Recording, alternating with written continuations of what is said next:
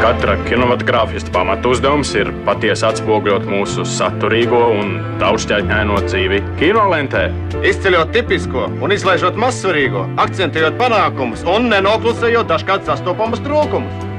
Balansējiet, nu godājiet vēseli inženieri starp pienākumu un varēšanu.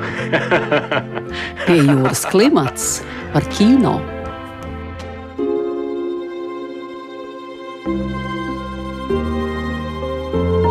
Esiet sveicināti, pie jūras klimata klausītāji!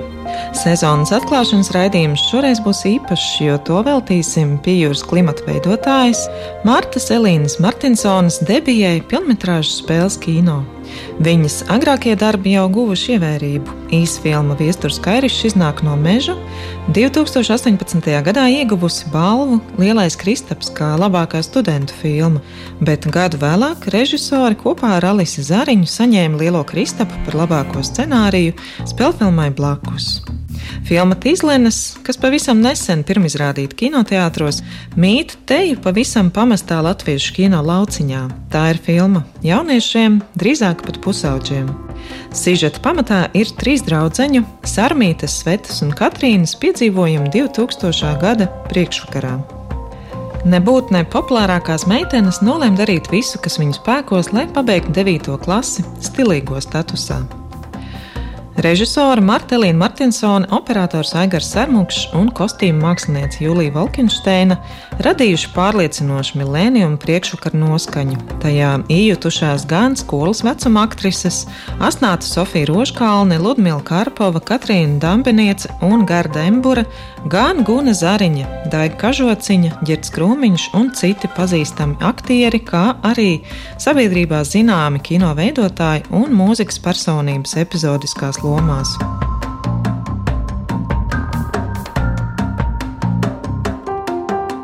Šodien pie jūras klimata studijā viesojas mana kolēģe, raidījuma pie jūras klimata veidotāja, bet šoreiz režisore Martelīna Martinsone, kostīm mākslinieca Jūlija Valkensteina un komponists Rihards Zāļupi. Labdien! Sveicināti!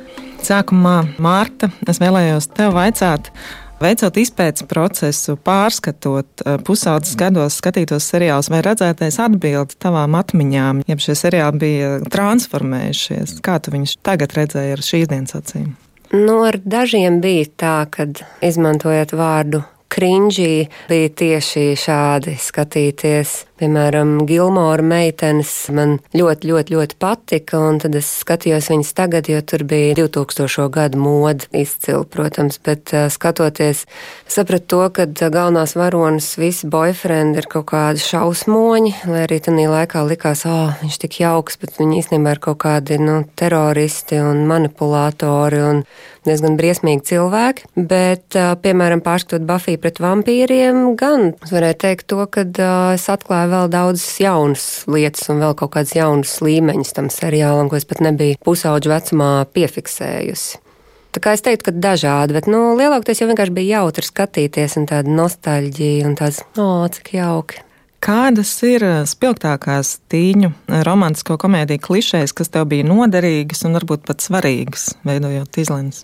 Man ļoti vienmēr uh, imponē tā klišeja, kas ir uh, tā saucamais makeovers, kur uh, nestilīgā, jeb neglītā meitene, kuru parasti tēlo ļoti skaista aktrise, tiek pārvērsta par skaisto meiteni. Un tādā ziņā šī filma, šī Zoldēt, uh, bija nu, tāda galvenā klišeja, jo tur ir šī skaistā aktrise, kur noņem brilles un izķemmē matus un uzvelk kleitu, un visiem tāds saka, Dievs, cik viņa ir skaista, bet nu, viņa bija tāda arī pirms tam. Un, ap citas piefiksēju ka šai filmai tikko Netflix ir iznācis rīmēks, kas ir kā, nu, šis apmainītās dzimumu lomas, kad he's all that, kur tiek taisīts tādam džekam makeovers, tā kā to es noteikti noskatīšos. Nu, jā, tātad šī makeovera aina. Un ideja, un, protams, šī galvenā klišē, kas ir, kad, ja tu nedabū puisi, tad tavai dzīvē nav jēgas, jo pārsvarā tā kā, lai arī cik tādas interesantas vai tādas dumpiniecisks galvenās varonis, tas viss parasti beidzās ar to, ka, nu, viņi, paldies Dievam, dabūja sev džeku, un viņiem viss beidzot dzīvē bija kārtībā. Nu, tā tās ir tās divas galvenās. Jūlija, intervijā ar Martu lasīju, ka savu milēniuma sagaidīšanas topiņu, rotāta ar zelta līmu un fliteriem, viņa atradusi tikai pēc filmēšanas. Kas bija šīs filmas kostīmu izveidas starta punkts vai atmiņas par šo laiku tieši Latvijas pusauģu vidē, jeb arī atsaucas uz tā laika popkultūru? Es teiktu, gan, gan, jo Man jāsaka, tāpat kā galvenā varone, arī 99. gadā man bija 14, 15 gadi, un es šo laiku ļoti labi atceros. Um, arī es gāju tusēt pie laimes un bedrē, tāpat kā galvenā varone. Arī man tika nabā izdurts piercings, jo tas tajā laikā bija ļoti modē.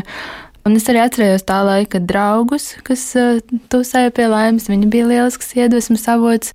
Tāpat es arī atgriezos bibliotekā un šķirstīju tā laika žurnāls Sīrups. Man bija ļoti jautri, jo tiešām draugi ir izauguši, bet tā ir tā vēstures liecība, kāda viņi izskatījās tad. Un, protams, tajā laikā nenormāli stilīgs bija fotoseriāls, un tur bija nokāstoti tie laimes stilīgie jaunieši tas bija tāds labs materiāls, kurā iedvesmoties. Es arī paskatījos um, nu, tā laika, varētu teikt, jauniešu kultu filmas Cruel Intentions un Ten Things I Hate About You un vēl citas. Tā kā es varētu teikt, ka tas bija gan tāds atmiņu, gan izpētes starta punkts. Vai uh, gadu tūkstošu mījas tīņu filmai kostīms radīt ir citāds izaicinājums, kā, teiksim, vēsturiskai kostīmu drāmai, vai jums bija svarīgs tieši šis te autentiskums, vēsturiskā precizitāte? Nu, es domāju, ka, protams, ir citādāk, var uh, krietni jautrāk, es teiktu tā, bet uh, autentiskums bija ļoti svarīgs. Mēs tiešām arī meklējām autentiskas lietas, jo to jau arī Marta ir citās intervijās minējusi, ja šobrīd, šogad visas tās it lietas ir ļoti viegli nopirkt jebkurā mūsdienu veikalā, tad pagājušajā gadā tas bija diezgan sarežģīti.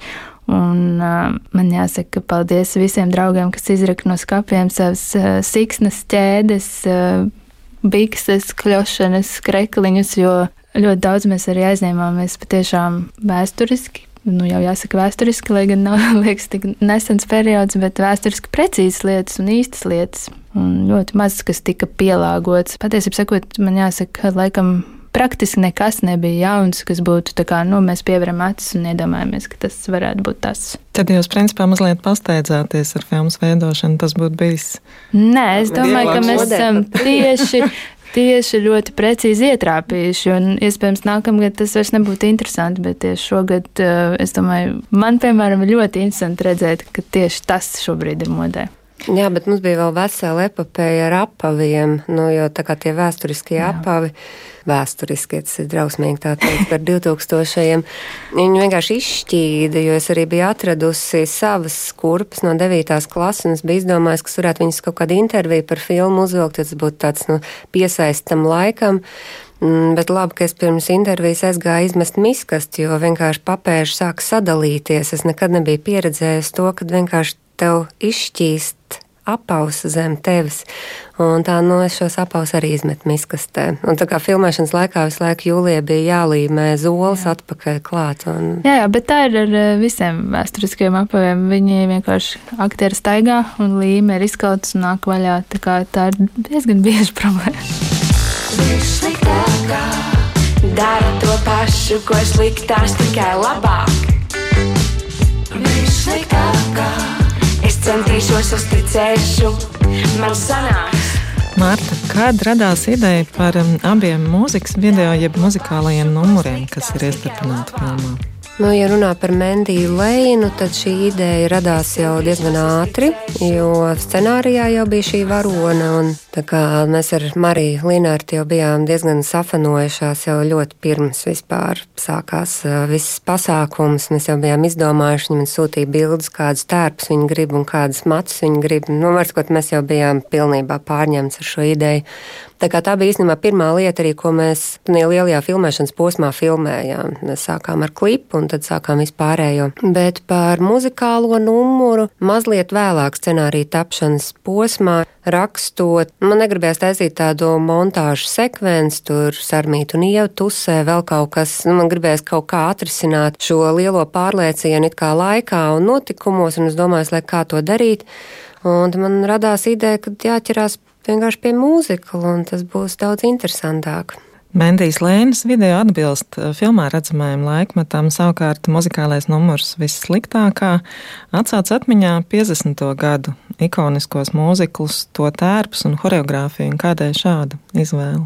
Un tāpēc, ka tā arī ir vēl viena īstenībā tīņu filmu klišeja no filmas Breolīnas, nu, tā ir nu, tik ikoniska aina, kur labā Sendija kļūst par slikto Sendiju nu, ka man gribējās atsaukties uh, uz to.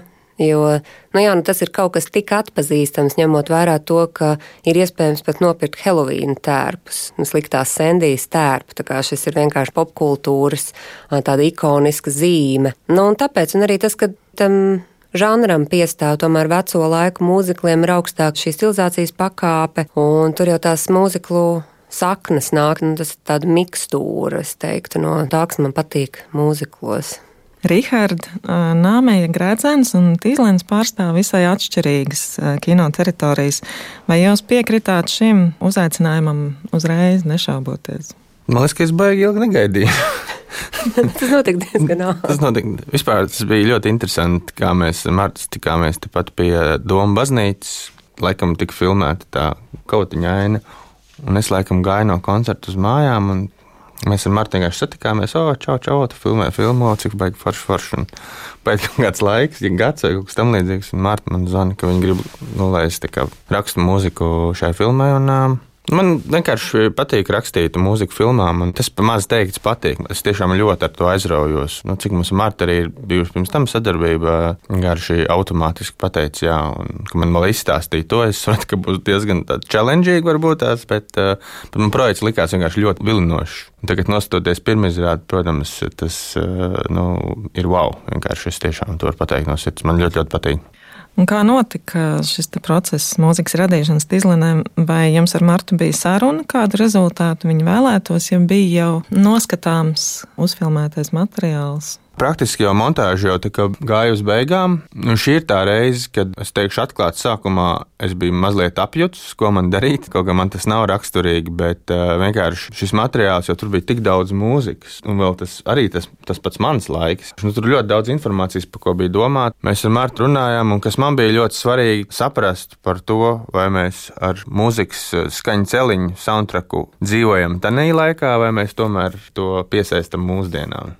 Manā praksē, cik es esmu redzējis, tad arī pēdējā laikā ļoti nostrādā, ka tomēr no mūsdienām kaut kas tiek pielikts klāt, jo cilvēki jau skatās mūsdienās. Un ir pat tādas filmas, kur pilnīgi neiedomājamas lietas tiek saliktas kopā par zvaigžņu prērijām un kosmosa kuģu kariem un skana kaut kāds 70. gada pops, kā galaktikas sargos. Manuprāt, tas ir vienkārši kaut kas unikāls un vienkārši tas tik labi strādā. Un es domāju, ka mēs diezgan ātri nonācām pie tā kopsaucēja, lai radītu tiešām tādu galveno tēmu, kas raksturo sarmītas tēlu, jo tas tēls arī ir diezgan plašs un tur daudz ko meklēt. Bet uh, līdz ko tas bija panākts un bija tā skaņas buķeta atrast ar instrumentiem un to visu pārējo, tad jau tas viss aizgāja tā kā pa diedziņu praktiski. Mm, bet vai tā bija tāda absolūta radošā brīvība, jeb arī Marta deva tādas konkrētas vadlīnijas, tur noskaņojums, konkrēta filma, piemēram, Bafijas nots, Badalamenti noskaņas? Tas būtu forši. būtu ļoti interesanti, ja viņi man tā būtu teikusi. Nē, nē, nē, mums bija īstenībā kaut kā ļoti viegli sastrādāties. Un šeit arī mēs vienkārši, nu, kā aizgājām cauri filmai, veidojām to spottingu sesiju, kurā vietā jābūt mūzikai. Un patiesībā drīzāk tas lielākais uh, izaicinājums bija saprastu, vai tās pārējās tur mūzikas kopā ar skaņu celiņu nejauksies pārāk lielā rosalā, jau, kas man bija vislielākais nu, pārbaudījums. Un patiesībā jā, tas tā nebija. Un, un beigās vēl Marta piezīmēja, ka man ir nēģi dziesmas jāraksta. Un, kas arī ikdienā nenotiek bieži, kad ir jāraksta dziesmas nēģiem. Un interesanti, ka tas arī uzreiz pirmais, kas man ideja radās, nēģiem rakstīt arī kaut kādu amerikāņu stilu. Pirmais uzreiz, kad nāca prātā Bensteins ar Vesaidas stāstu. Un tad arī cik interesanti. Tas ir loģisks. Jā. jā, un cik interesanti, ka filmā, kad tie nēģi sāk dziedāt, vienkārši sajust publikas to graujošo kaifu. Vienkārši tajā mirklī, kad latviešu nēģis dzied kaut kādu Broadway's mūziku. Nu, tas man liekas arī bija tā. Es savā ziņā varu teikt no malas, ka es abrīnoju vienkārši to marķis, to idejas spilgtumu. Es nezinu pat kā to nosaukt, jo tas nevēl tas te rokām plātos, jo to visu krāsainību salikt kopā un ka tas nostrādā. Nu, tas, nezinu, vai tu pati tā jūties, bet man no malas likās, ka tā ir tāda nu, ļoti trausla līnija, kurai nu, var pārkāpt pāri, bet nu, tas iznākums, manuprāt, vienkārši ir uh, fantastisks. To visu saliekot kopā, tas viss strādā muzikāli un, un arī īpaši muzikāli. Jā, šī ir noteikti tāda muzikāli arī ļoti piesātināta filma. Mēs jau sākām filmu taisīt. Es jau biju pateikusi producentam, ka mums vajag uh, rezervēt vēl mazliet mūzikas naudas, kas nav komponista nauda, kas parasti ir tas, uh, bet arī vēl paralēli, ko vajadzēs vēl rakstīt dziesmas klāt, jo tā laika filmām jau ļoti raksturīgi nevis tā kā skaņu celiņš, bet šīs izlases, uh, tie soundtracki, kur arī ir kļuvuši par tādām, nu, piemēram, bīstamo spēļu soundtracks. Es joprojām viņu klausos, un es atceros, ka man bija gan kasete, gan disks, un tad, nu, visi viņu zināja. Tas Jā, bija, tas bija ļoti. jā, un tagad, jā, oh, sākās plasībā. Tā bija vislabākā. Nu, jā, tā tu kļūsti par plasībā fanu. Tieši tā, tieši tā. Nu jā, tāpēc tas bija arī jauns piedzīvojums uh, producentam Guntim Trekterim, jo tas nozīmē vēl kaut kādu nu, arī no producēšanas ziņas, kā reģistrēt šīs dziesmas, kam viņas pieder. Nu, var sakot, tur sanāca vēl vesela ņemšanās. Strādāt Rihards bija amazing. Cevišķi tu pasaka aptuveni, tā kā, ko vajadzētu, un tāds, nu, vakarā jau ēpastā ir kaut kas, man liekas, pa kuru laiku, kā, ko jau ir. Un par nēģiem bija šausmīgi aizkustinoši, kad, lai varētu saprast, kurš nēģis ko dzied, tad uh, Rihards bija sarakstījis viņiem vārdus. Nu, kad bija, uh, kā, bija mazais bērniņš, un bija lielais bērniņš, un tētis, un mamma un māsa. Nu, un tad nāca tāds mazs ansamblīts to iedziedāt, un tad viņi dalīja, kurš ir nēģu māsa un kurš ir mamma. Un tad bija mazliet arī strīdi, kad, bet es taču jau biju māsa, bet, nu, jā, brīnišķīgi. Bet, zini, kas, ja es drīkst piebilst, īstenībā es ceru, ka varbūt tās arī filmu izlentes būs tāds pamats beidzot ierosināt. Arī lielam Kristupam jauna kategorija, par ko es ļoti, ļoti ilgi jau redzu, ka viņi ir ļoti nepieciešami. Jo ir forši, kad piešķir Kristapu par veikumu tieši komponistu jomā, kā visas soundtracks filmas, bet bieži vien tā putra, kad ir daudz cilvēku parasti sarakstījuši dziesmas, popdziesmas, rockdziesmas, bet viņas praktiski nu, viņas nevar salikt vienā kategorijā kopā.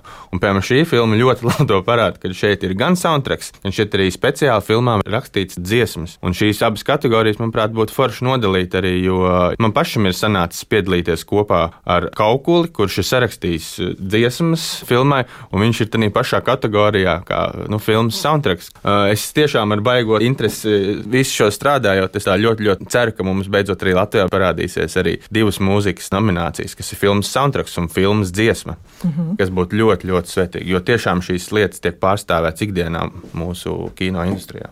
Marta, tu savā veidā esi radījusi gan milēnijumu atmiņu vakar, gan arī tādu kā 2021. gada kino industrijas un arī dzen, sabiedrības seju grāmatu. Kā tu izvēlējies cameo lomu atveidotājs?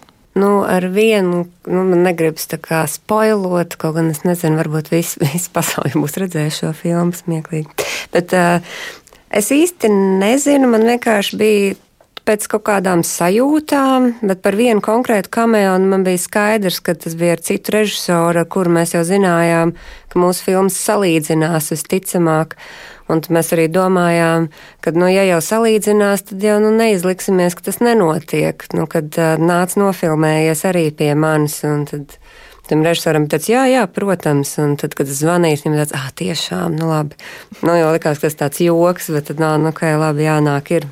Bet uh, ar citiem uh, režisoriem, piemēram, vai citiem lomu atveidotājiem, arī dažādi mūziķi, nu, man bija svarīgi arī parādīt piemēram, lielāko daļu no mūziķiem, kas ir sarakstījuši kādu dziesmu. Piemēram, mēs redzam filmā gan reperu viņu uz uh, mirklīti, gan mm, arī Edgaru Bāliņu, kuram mēs sestdien filmēsim klipu šai dziesmai, gan Ārsta Lursmirus, gan vēl, nu, varbūt Tie bija cilvēki, kas kaut kādā veidā bija vai nu piesaistīti filmai, vai arī kaut kādā veidā arī nozīmīgi. Jo, piemēram, Andris Gauja, kam ir arī neliels šis cameo, viens no pirmajiem, mēs vēl vienu brīdi mācījāmies kopā, viņš filmējās manā vienā no pirmajiem skolas darbiem, kā Niks Keivs. Un tad vienkārši kaut kā tas tēls arī savilkās, uzreiz iedomājos par Andri un tā. Kāda nozīme ir Latvijā radītam kino jauniešiem laikmatā, kad ir brīvi pieejams liels apjoms radniecīga lielo Holivudas studiju satura?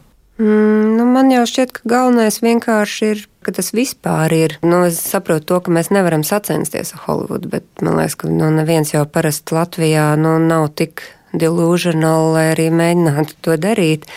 Bet tas, ka nedrīkst, man liekas, neviena auditorija aizmirst. Nu, ja es esmu latviešu jaunietis, es biju kādreiz latviešu jaunietis, un skaties šo latviešu kino piedāvājumu, varbūt, ka tev pilnīgi nekas nav. Tev arī ir mazāk interesi par latviešu kino, bet, ja tu redz, ka pat ja tev varbūt tā filma nepatīk, bet vienkārši, ka tu redzi, ka kino veidotāji par tevi nav aizmirsuši, man liekas, ka tas ir ļoti svarīgi. Un tu jau pieaugsi, un tev būs uzreiz kaut kāda piesaist šim vietējam kino. Jo tas ir tas, par ko mēs daudz runājam, kāpēc neiet to pašmāju kino skatīties. Un tāpēc, kad nav tev bērnībā parāda tās pāris latviešu filmas, un tad tas garais posms, kad tev nekas nav. Un tad pēc tam viss sagaida, ka tu pieaugs un domās, o, es te tieši latviešu filmām. Un tad ir tas plašais pārāvums un nav tā pēctecība kaut kāda. Nu, tādā ziņā man liekas vienkārši svarīgi, tas vispār ir, ka jaunieši redz, ka, hei, arī mēs eksistējam kino veidotāju prātos.